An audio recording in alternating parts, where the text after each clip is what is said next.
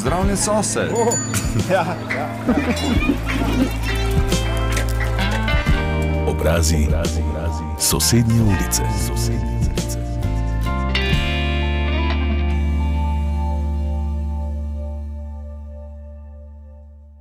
Z nami je Mariborčan Dejan Kikec, ki sta ga film in odr odnegdaj privlačila s tisto skrivnostno močjo, ki je znana le izbrancem pa ni bilo pravih možnosti za to, da bi poklicno zajadral v to smer. Se je pa zgodilo, ko so konec 80-ih let v Mariboru snemali film Kavarna Astoria. Na ključe je hotelo, da se je pridružil ekipi, potem dolgo ni bilo nič. Pravzaprav je bil študij elektrotehnike z imenitno nišo za tiste, ki obvladajo. Dejan je odprl svoje podjetje za inštrukcije matematike in statistike. Posel je cvetel, ker smo pač vedno v večini tisti, ki nas srečanje s to vedo ne navdušuje, vsaj ne pretirano. Ampak dejanu je bila igralska dejavnost tako ali drugače usvojena. In se je zgodilo. Na svoj način se dogaja tudi ta čas in se bo zanesljivo še v prihodnje. Ja, najprej lepo zdrav. Res je, uh, bi so cel čas nekako iskal stik, kako priti do neke vloge ali pa kakorkoli sploh nastopiti v filmu. Eh, vemo, v tistem času ni bilo ne Facebooka, ni bilo nekih eh, takih oglaševalskih načinov, kjer bi človek lahko to opazil. In uh, veseljem, radost mi je že predstavljalo, ko sem lahko iz ulice opazoval kadre, ki so bili že takrat v začetku nastajanja tega filma. In sem si želel nekako sodelovati v tem filmu. No, potem, kak sem pa zraven prišel, je pa prav smešno, uh, da mi je v bistvu tale gospa, ki sem jo tam eh, opazil, da je pač bila, mislim, da pomočnica režiserja. Dragica Petrovič. Tako je, mi je eno sobotno jutro uh, pozvonilo na vratih, ko sem še pač bil mladinec, oziroma tik pred vstopom v vojsko. Pri starših živel in mi pozvoni na vratih, in odprem vrata in zagledam to gospo, E, v eni roki je imela neprežgan cigaret, v drugi roki je imela uh, kozarc z viskijem in reče: Mali, imaš ogen. Ne? In jaz, seveda, cel presenečen, kaj je ena gospa zdaj tukaj v drugem nastropju, v bloku, pri meni zvoni za ognjem. Ampak sem takoj jo povezal z filmom in seveda prižgal cigareto. In takrat je rekla: A imaš zvečer kaj časa? Ne? Seveda, jaz sem to takoj spet povezal s filmom, ker drugače bi lahko človek spet imel čudne, čudno razmišljanje, kaj se ena gospa tu bi z mano zvečer počela. In sem, eh, torej, seveda, privolo. In tam se je v bistvu začelo da sem dobil neke vloge, neke, sicer to so bili takrat kot nek statist, sicer sem imel tudi neko vlogo kot statist za nalogo, ker sem poleg uh, glavnih igralcev moral sedeti v enem kinu, uh, ki sta ona dva opazovala en žalosten film in neko reakcijo potem na koncu tudi pokazati. In moram reči, da mi je to takrat predstavljalo res eno čudovito izkušnjo, ki sem si želel jo nadaljevati, ampak v tistem času, se vemo, uh, ni bilo možnosti, niti nisem vedel, na kak način bi še lahko kje pristopil. In uh, seveda potem. Uh, Študij, ki je pa vmes vojska, pa potem študij, ki je bil čisto v drugo smer naravnan, in sem izgubil nekako stik s tem. Se pa je potem pojavilo, to je recimo nazaj, enih sedem, osem let nazaj, ko se je pa snemalo v Mariboru film Slovenija, Avstralija in jutri v svet.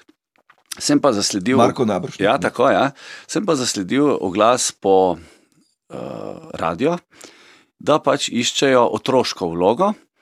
In ker je moj sin bil takrat ravno primerne starosti, sem ga seveda uh, peljal na audicijo. In ko sem pač tam pogovarjal se z temi producenti in s produkcijo, so mi pač rekli, če bi mogoče tudi jaz šel na audicijo, pa bi mogoče tudi jaz kaj eh, odigral v filmu. Pa sem rekel, veste kaj, sicer nisem bil, imel v planu, ampak to je vedno bila moja skrita uh, želja in radost.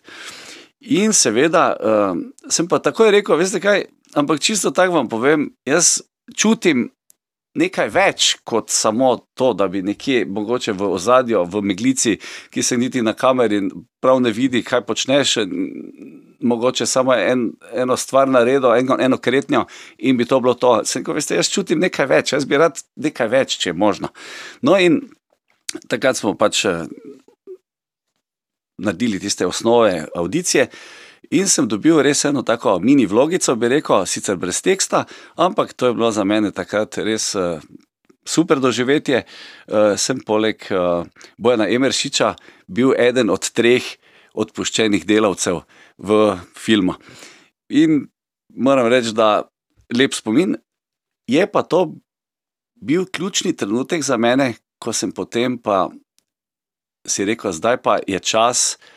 Torej, vemo, da nisem več mlad, ampak je čas, da kljub temu v tej starosti še probam nekaj za svoje srce, za svojo dušo narediti. In od takrat dalje sem se začel pač prijavljati na razne uh, audicije, tudi uh, razne, na razne agencije sem se prijavil, uh, pač svoj profil tam odprl in tako dalje, in začel malo slediti. Je pa res, da prve take. Uh, Velike dosežke sem pa začel dosegati takoj sem začel dosegati neke rezultate v reklamah.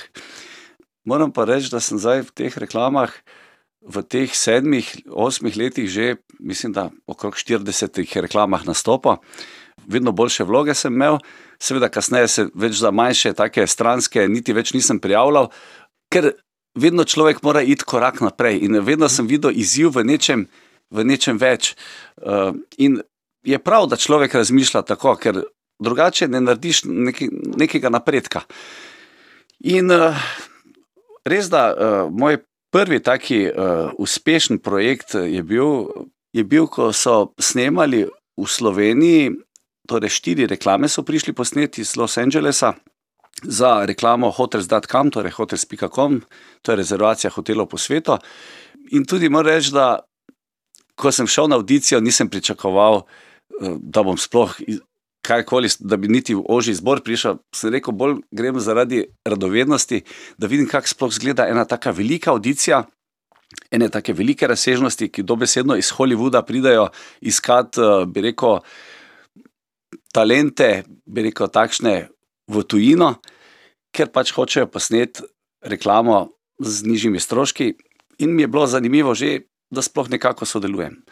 In Seveda, ko sem se prijavil in uh, tudi odigral vlogo um, pred kamero, nisem niti na meni pričakoval, da bom prišel v ožji zbor.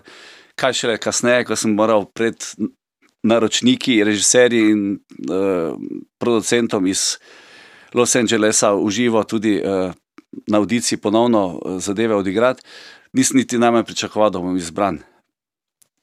Ko sem dobil potrditev, Jaz vam ne znam povedati, eh, če človek nekaj srcem počne in v bistvu, da počneš res nekaj, kar te razveseljuje.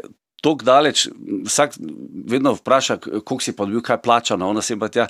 Jaz sem vedno rekel, za mene, če bi mi rekli, da boš neko vlogo dobil, uh, tako, ki, ti je, uh, ki te res uh, osrečuje, bi magari pešle, tevo, pa da mi nič ne plačajo. E, to je ta radost, bi rekel, e, v srcu.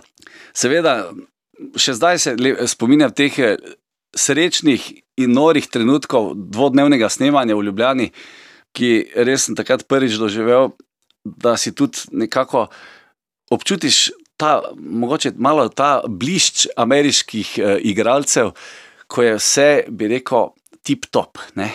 Ko je, vidiš, da je tu res ena velika ekipa, eh, od eh, strani produkcije, eh, da gre vse, da vsak ima svojo zadolžitev. Ko sem prišel na snemanje, so namreč mi smo snemali najprej en kader v, v avto, ki so ga naložili na prikolico in ga potem s prikolico.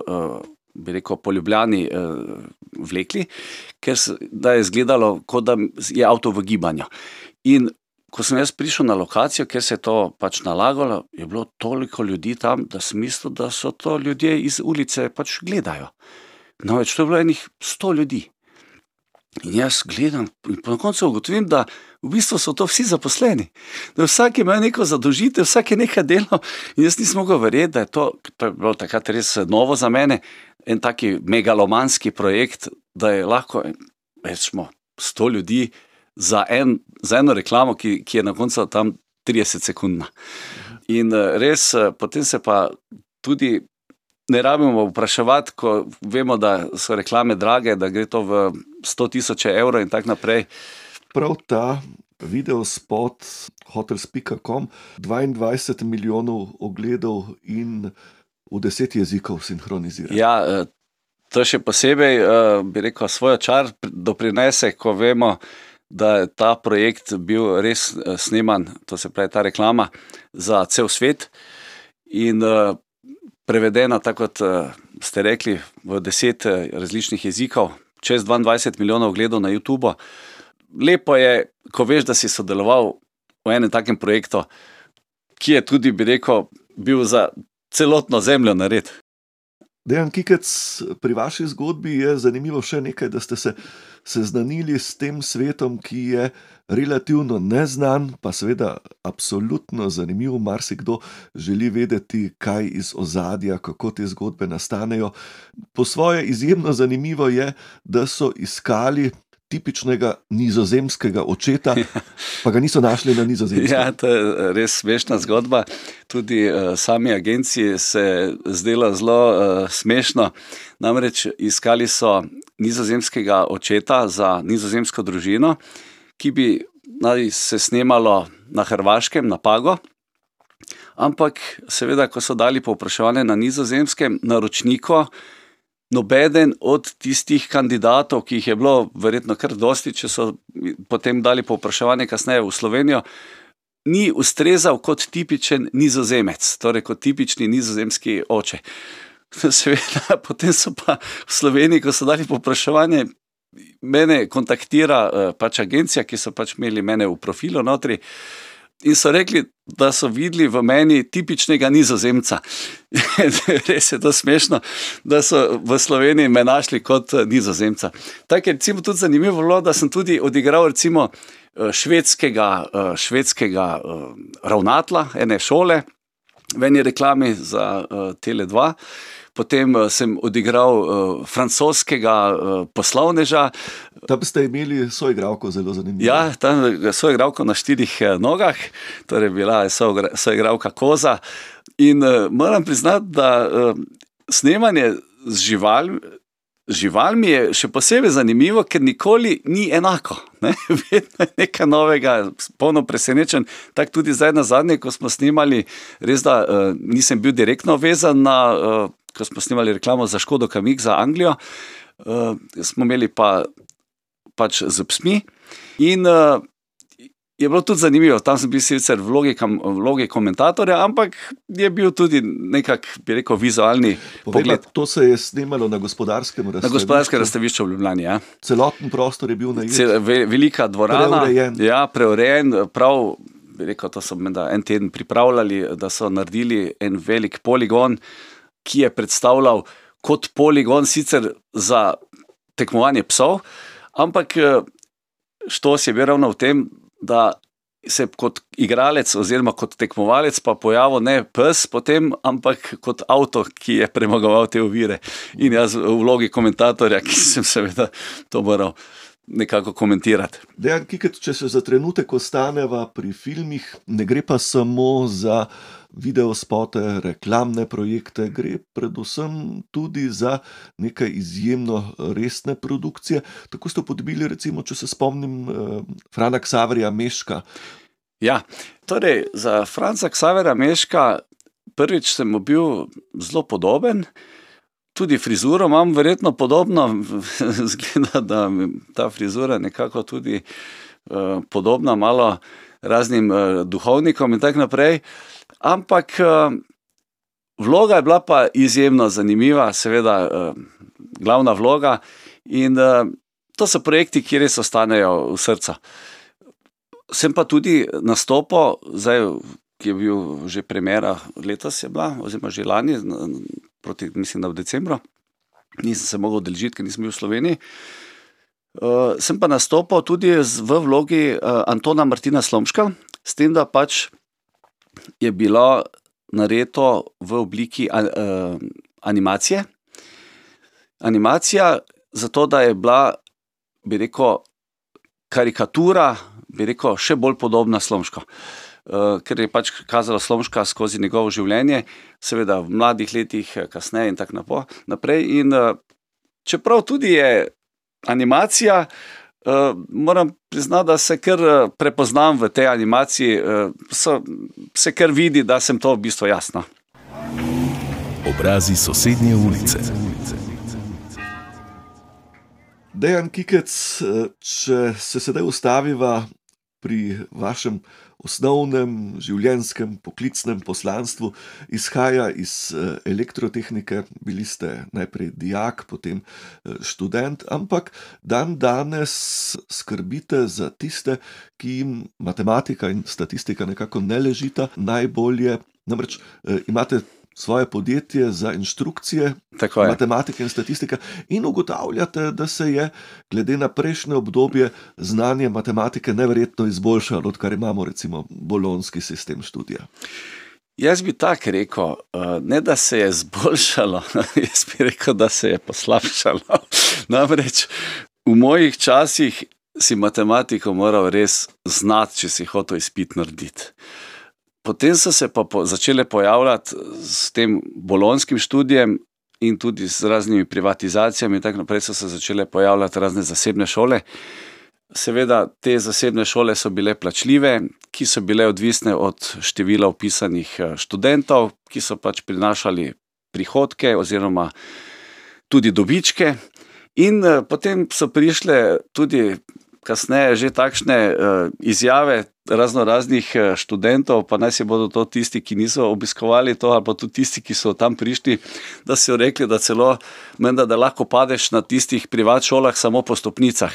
Uh, je pa nekaj res, da od vse te dobe, odkar jaz inštruiram, to pa je že kar uh, zelo dolga doba, da se je nivo, bi rekel, oziroma to, kar zahteva fakulteta od študenta, precej upado. Torej, eh, manjše so zahteve za, uprav, za upravljanje izpita, kot so bile včasih, tudi snov je bistveno skrčena.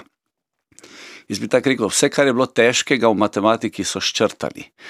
In tudi opažam, zakaj. zakaj. Zato, ker če gledam, rečemo, tam 20 let nazaj, je bilo ogromno upisanih na, recimo, če primerjam to z ekonomsko fakulteto, ogromno upisanih ljudi, izrednih študentov, ki so seveda morali plačati eh, šolnino, in to je predstavljalo za fakulteto precej velik eh, prihodek.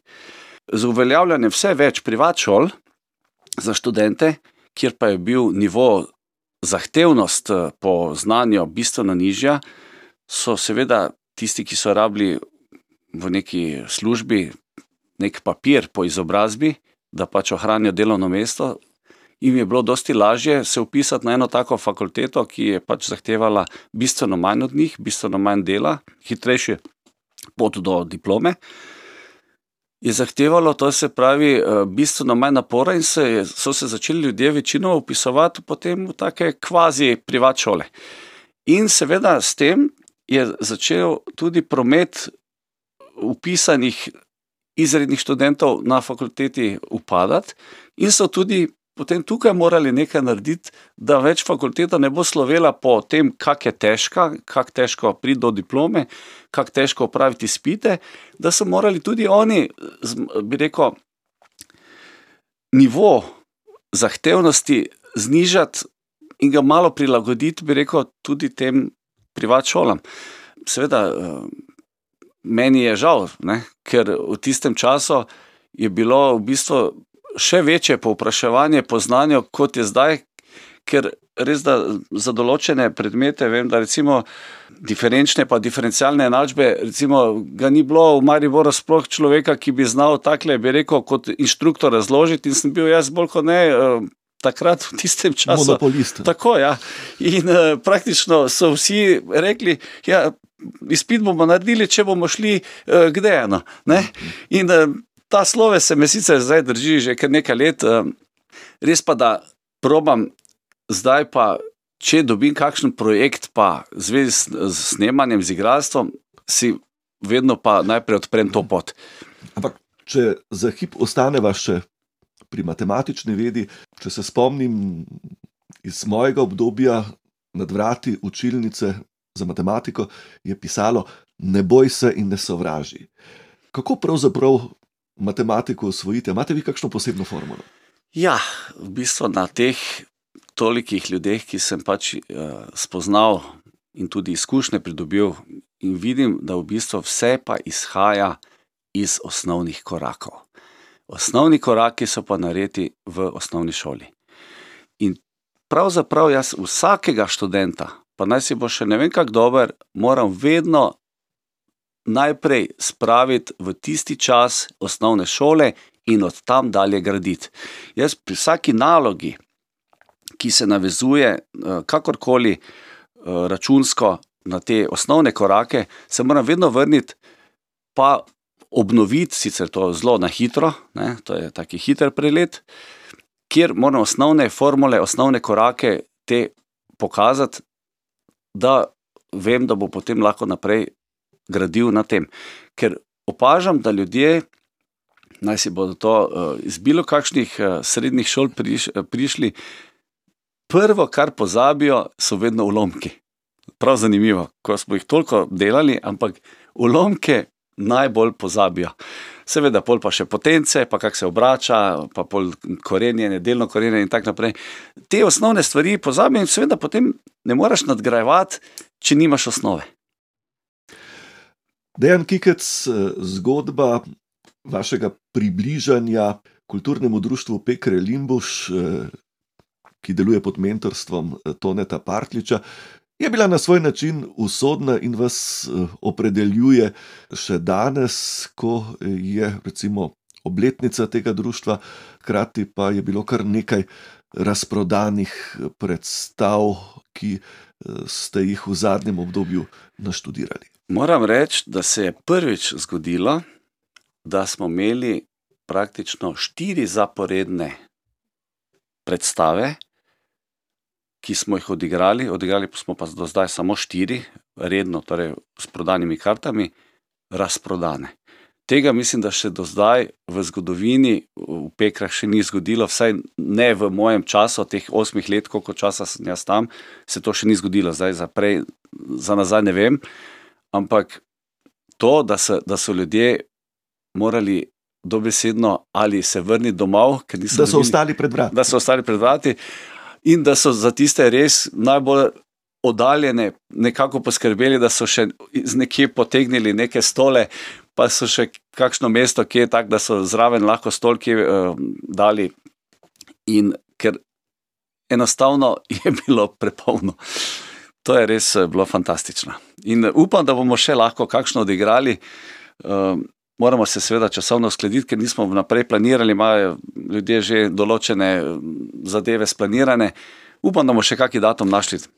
Kako čutite eh, delovanje takšnega ansambla, neprofesionalno? Vsi ste tam eh, na podlagi nekih eh, vzgibov, ki so ljubiteljski, pa vendarle zelo močni v tem ljubiteljstvu. Kako uskladiti vse skupaj, glede na to, da je to težava tudi v profesionalnih okoljih?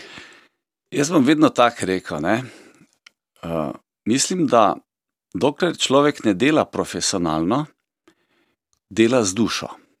In če delaš neko stvar z dušo, boš vedno si najdel čas za tisto, kar te najbolj razveseljuje. Ko pa nekaj delaš za denar, je pa druga zgodba, ko delaš za preživetje. Takrat veš, da si moraš tisto odtrgati in tudi drugače gledaš na tisto stvar. Več ne gledaš to toliko, bi rekel, z nekim, bi rekel, krepenečim pristopom, ker pač veš, da to je pač neka nuja. Dokler pa ti hodiš prostovoljno, zaradi tega, ker te to sprošča, ker ti to predstavlja veselje, ni problem si utrgati tisti čas. Poglejte, zdaj bi, če bi se zdaj mi dva tako pogovarjala, nekdo si ne bi znal predstavljati, da praktično smo skoraj tri mesece, lahko rečem, skoraj vsak dan bili v Pekrah, eh, iz Maribora v Pekre, pa nazaj, pa pravzaprav si tam skoraj tri ure. In poleg, bi rekel, obveznosti, ki jih imaš, družine in uh, tudi uh, osnovnega dela, da hodiš nekam za stojn, bi rekel, na neke vaje, da boš na koncu odigral tri, štiri predstave in je zadeva zaključena. Bi nekdo rekel, ja, pa kaj vidiš o tem? To je en svoj vrsten čar, ki ga težko pišeš nekomu, če v tem ne vidi, bi rekel, svoje isto, svoje, svoje veselja.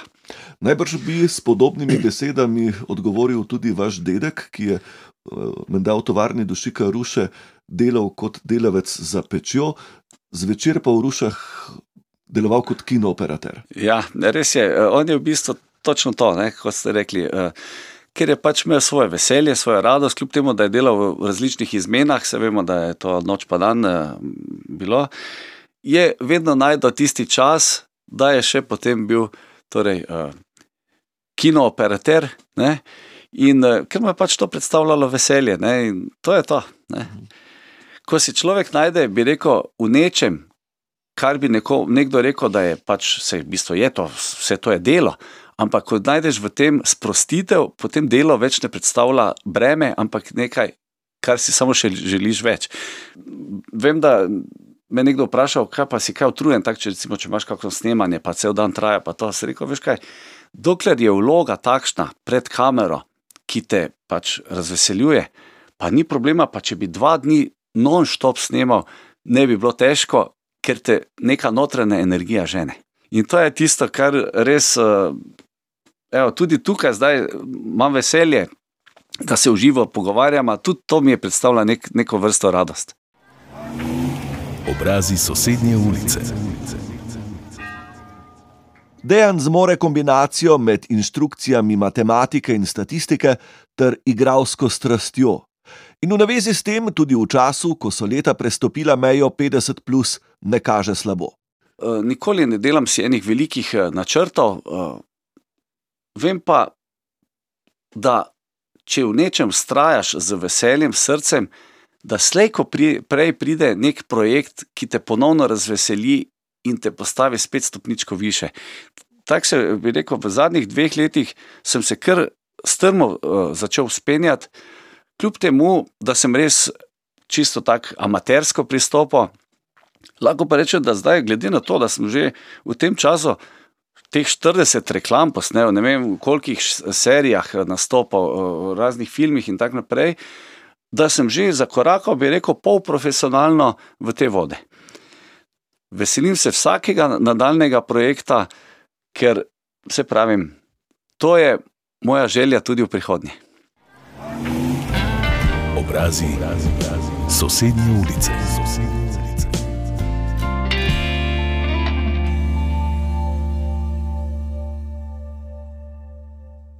To je bila oddaja Obrazi sosednje ulice, naš gost pa Dejan Kikec, inštruktor matematike in statistike ter lik iz filmov in reklamnih oglasov. Franz Ksaver Meško, francoski poslovnež, športni komentator, škof, tajni agent, nizozemski oče, pleskar. Sicer pa član kulturnega društva Pekre Limbuš, kjer ga najdete v glavni vlogi zadnje humoristične uspešnice Toneta Partliča z naslovom Poroka čistilke Marije. Odajo sem pripravil Stane Kocutar.